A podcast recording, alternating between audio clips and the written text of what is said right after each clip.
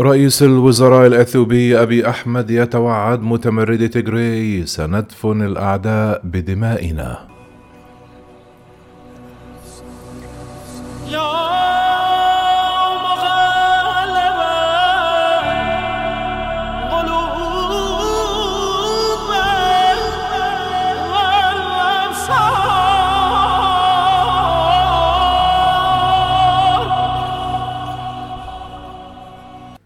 توعد رئيس الوزراء الأثيوبي أبي أحمد الأربعاء بدفن الأعداء بدمائنا في إشارة إلى متمرد إقليم تجري وذلك في ذكرى مرور سنة على بدء الحملة العسكرية التي شنها على المتمردين هناك.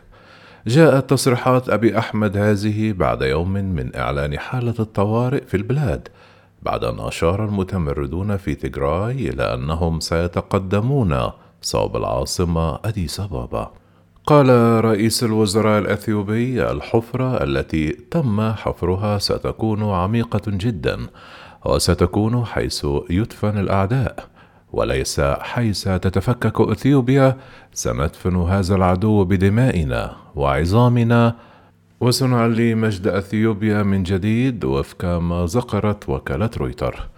وأعلنت دقيقة صمت في مراسم تأبين بالشموع المضاءة لإحياء ذكرى قتلى يوم الثالث من نوفمبر من عام 2020 عندما استولت قوات موالية للجبهة الشعبية لتحرير تجراي على قواعد عسكرية في الإقليم الواقع شمال إثيوبيا وردا على ذلك أرسل أبي أحمد مزيدا من القوات إلى المنطقة.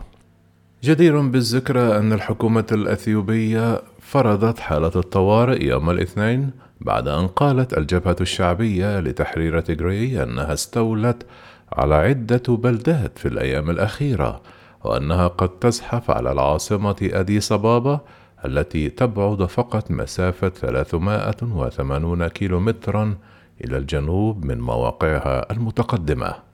ستتمكن الطوارئ التي تستمر ستة أشهر الحكومة من توجيه الأمر للمواطنين البالغين بتلقي التدريب العسكري وقبول الواجبات العسكرية الأثيوبية.